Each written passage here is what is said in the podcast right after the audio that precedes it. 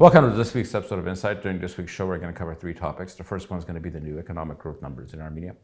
The second one is going to be uh, the negotiations in Prague last week between the Armenian government and the Aliyev and Erdogan regimes. Uh, and lastly, we're going to talk about uh, the issue of fear and how it actually affects policy making and decision making in this country. Uh, let us start with the economic numbers uh, that came out last week. Uh, this is all the way, this covers the period from January to August of this year. Uh, and this is what we have. Economic growth is at 13.9%, which is actually the highest in Europe by far. Uh, manufacturing is up 16.4%. Uh, services are up 27.9%. Uh, the IT sector is up by 29.5%.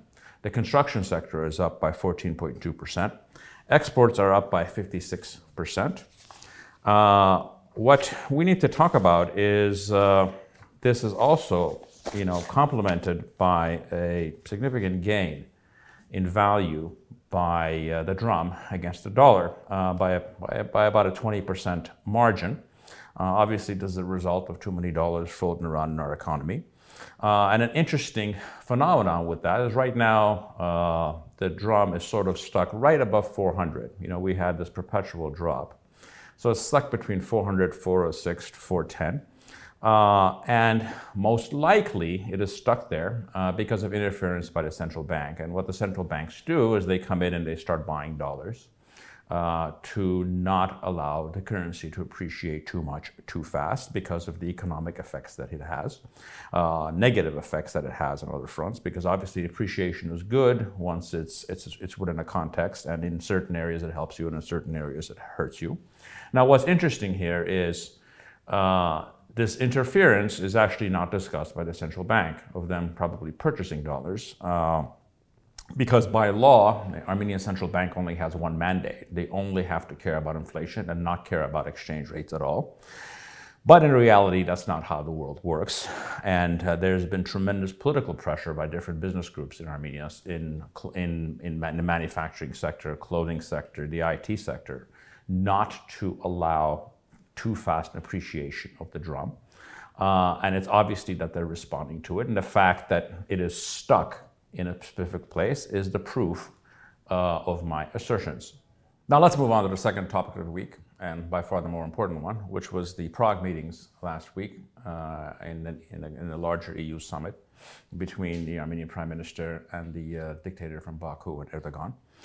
And what can we describe as as? Frankly, we cannot describe this as anything but a humiliation for the country. Uh, and we'll get to why I make that case. The first thing that was discussed is that uh, both countries recognize each other's uh, territorial integrity, which is something that they've actually done since 1991. So I think that is not as relevant as what other matters that came up after that.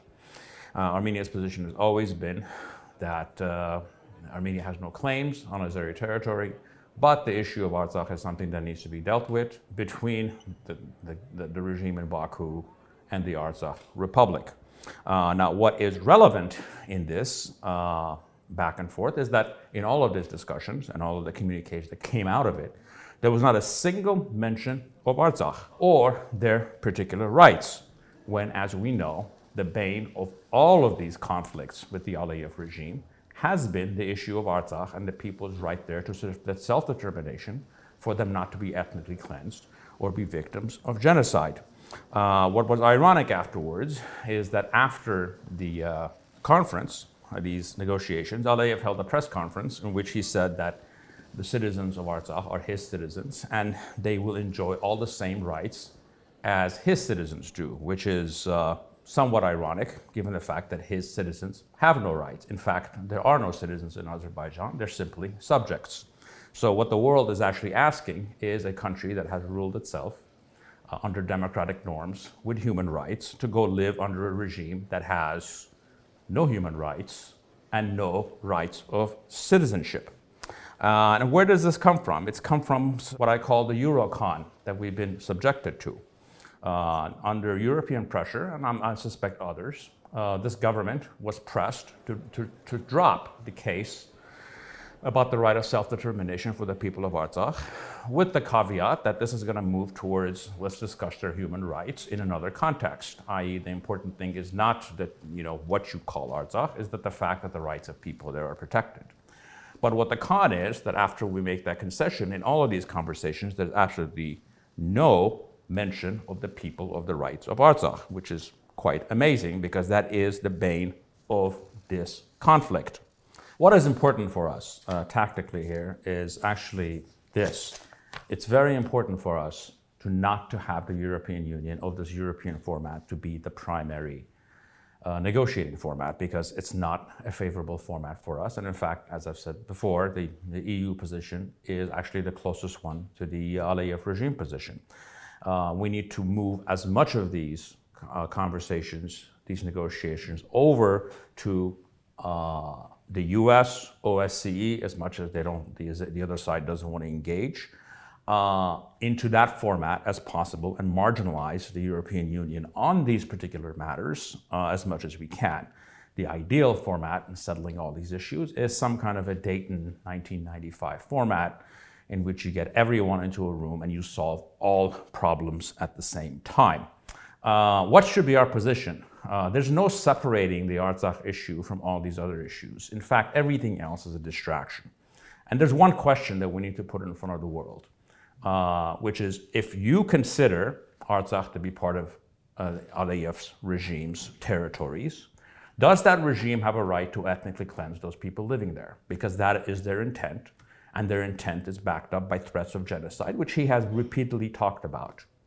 If your answer is no, then you have to say, how are we going to protect those people? Frankly, in all of these negotiations, this is the only thing worth talking about. Everything else, including their incursions into Armenian territory, are actually designed to not talk about this particular topic, which is the topic that we need to come back and talk about over and over again.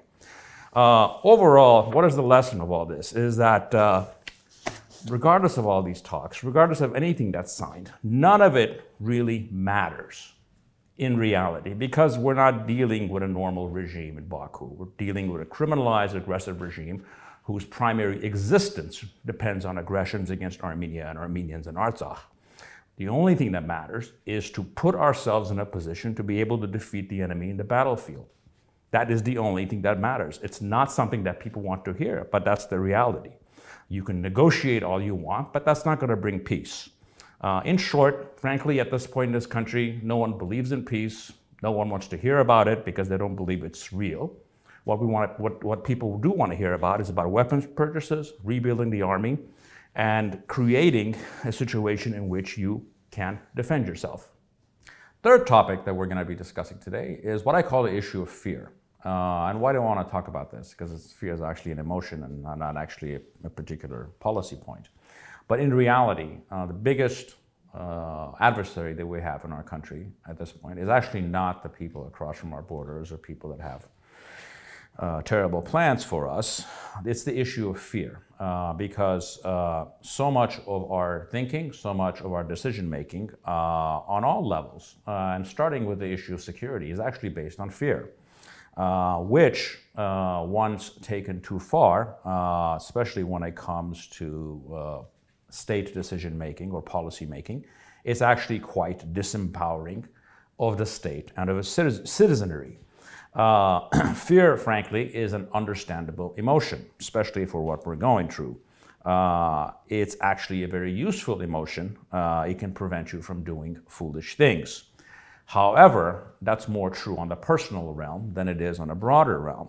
Uh, you don't run political programs or run public policy on debilitating fear, uh, especially when it comes to diplomatic or military matters. Uh, the other thing that this leads to is that we spend way too much time uh, worrying about what others have to say uh, and not what we do, when in fact 90% of the time, what we do is far more important than what the others say.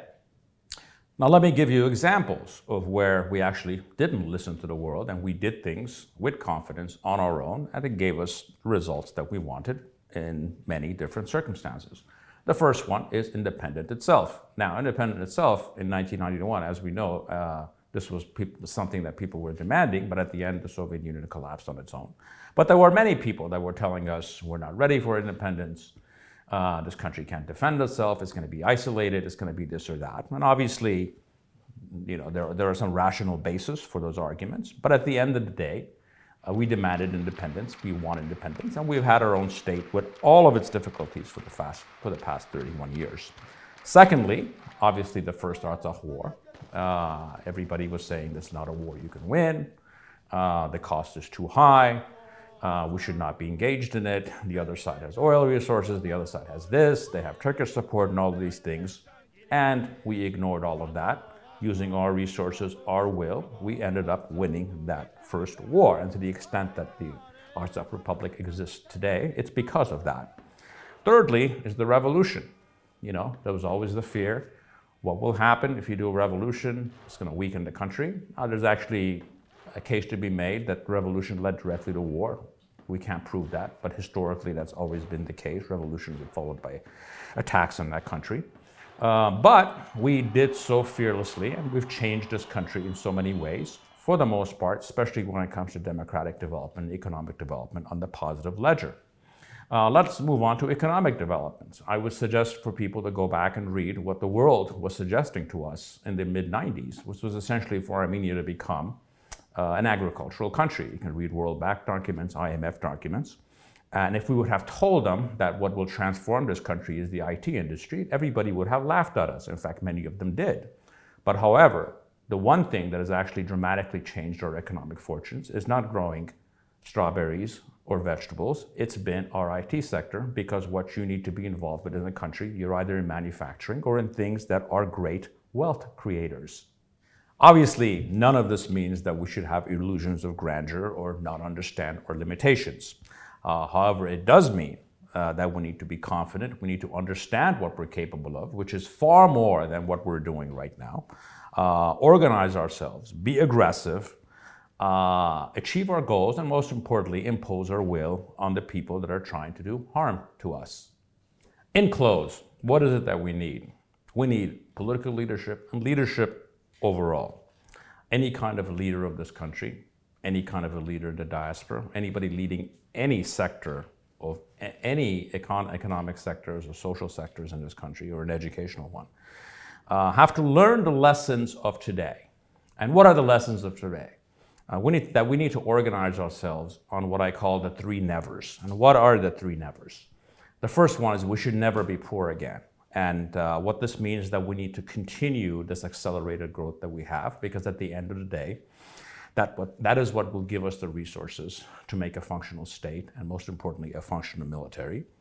The, two, the second never is never to be isolated again. and what this calls for is uh, to upscale our diplomacy and our statecraft, the weaknesses of which have put this country in the position that we've been in the past two years. And lastly, the third never is to never be weak again, uh, which is about military strength and being able to defend yourself. It should be, no matter how unrealistic it seems, the goal of this country needs to be immediate uh, military parity at the shortest possible time frame uh, with our enemies, and eventually military superiority, and on the long run, exponential superiority. No matter how unrealistic that sounds, that needs to be the goal, and that's what we need to accomplish. Uh, fear will never bring us the three nevers. Uh, only hard work and not giving a damn what anybody else says will get us to those goals. Thank you for joining me this week's episode of Insights.